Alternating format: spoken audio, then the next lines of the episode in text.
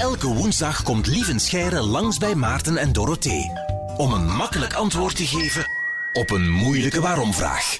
Jo, lieve, goedemiddag. Goedemiddag. Hey. Luisteraar Kenny heeft jouw hulp nodig. Hij weet niet wat te antwoorden op de vraag van zijn zoontje Sim.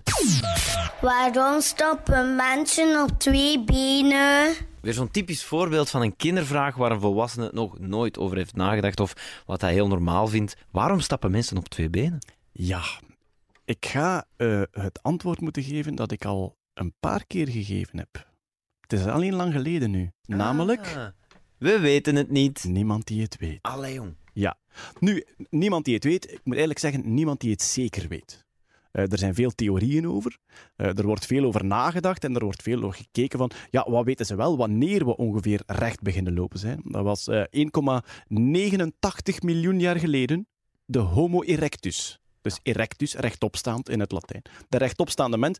Dat is de eerste keer dat we uit de bomen gekomen zijn en eigenlijk bijna constant een, een, een mensensoort die constant over de grond liep en rechtop liep.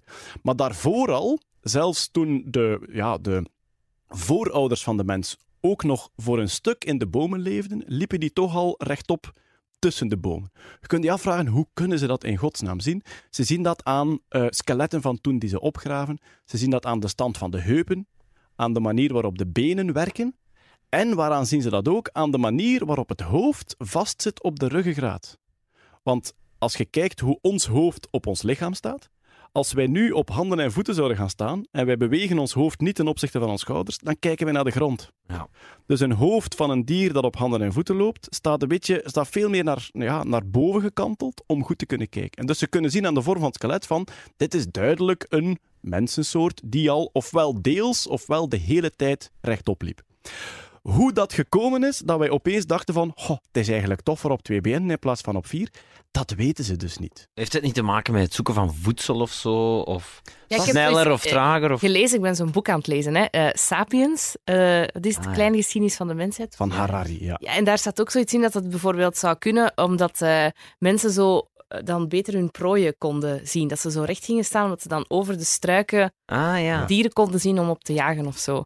Maar ik denk kijk- niet dat ik de expert ben van ons twee, liever omdat ik eens een vierde van een boek gelezen heb. Ja, maar, Sapiens is wel een hele goede boek. Ja, hè? Dus ja, als je die uit hebt, dan zijn er wel mee, ja.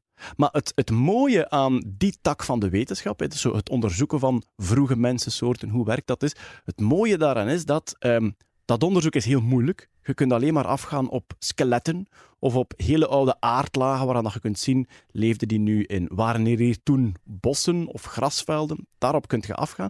Maar dat geeft voor mij heel mooi weer hoe dat wetenschap vaak ook maar een theorie is die je probeert te testen. En heel die tak van de wetenschap met hoe heeft de mens zich ontwikkeld, zit vol met onzekerheden waarvan we nog niet precies weten hoe het gewerkt heeft. En waarom lopen we op twee benen? Vroeger was de theorie dat de eh, voorouders van de mens uit de bomen eh, gekomen was, dat die over de vlaktes liep en dat het gras heel hoog was en dat ze daar boven moesten kijken. Dat was vroeger iets dat overal verteld werd. Wat blijkt, dat is onderzocht. En er waren in die streek geen grote grasvelden. Dat was vooral eh, woud en, en gewoon steppen. Dus die theorie weten ze al zeker dat dat het niet was.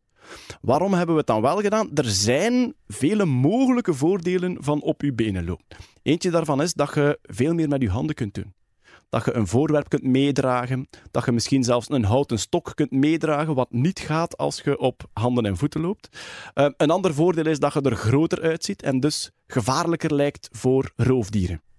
Ehm, als bijvoorbeeld als, eh, als een kind eh, in Afrika rondloopt en er komt een roofdier af, wat die dan doen is een stuk hout zoeken om op hun hoofd te zetten.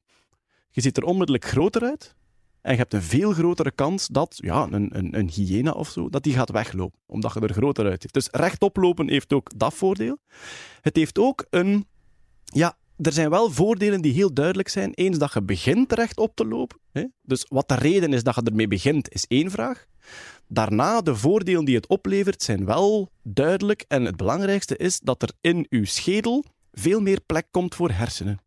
Dus omdat dat hoofd gekanteld is, krijg je opeens veel meer plek voor hersenen.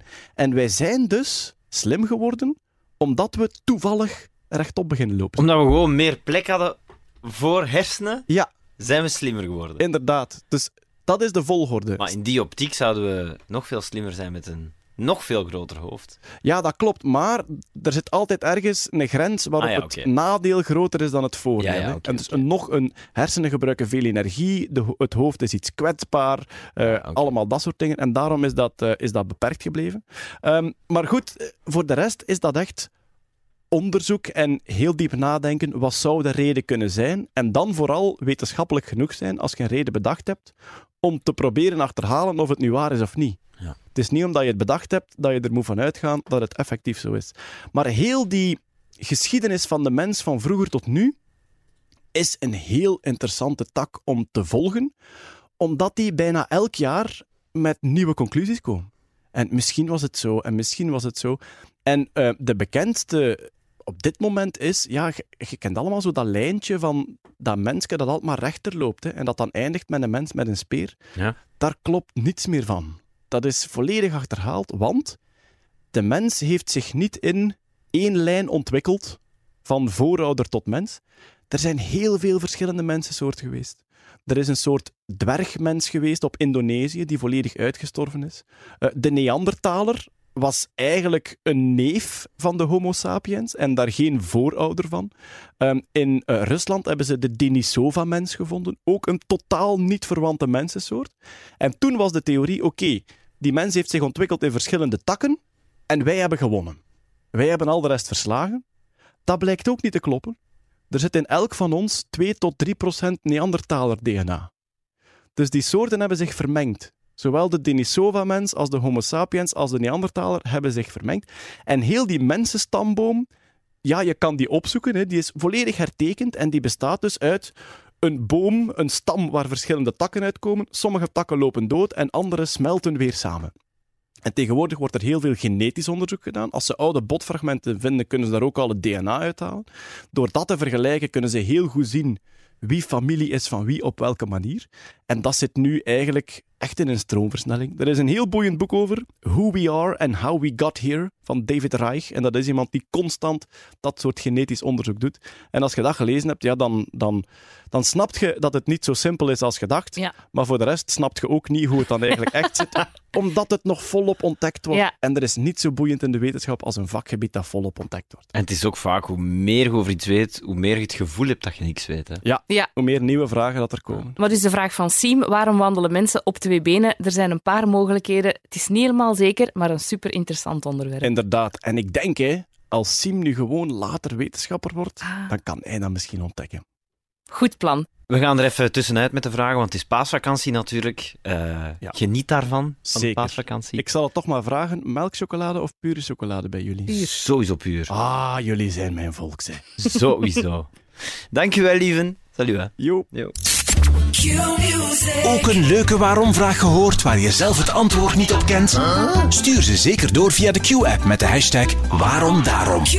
En dan beantwoordt Lieven jouw vraag misschien volgende woensdag al.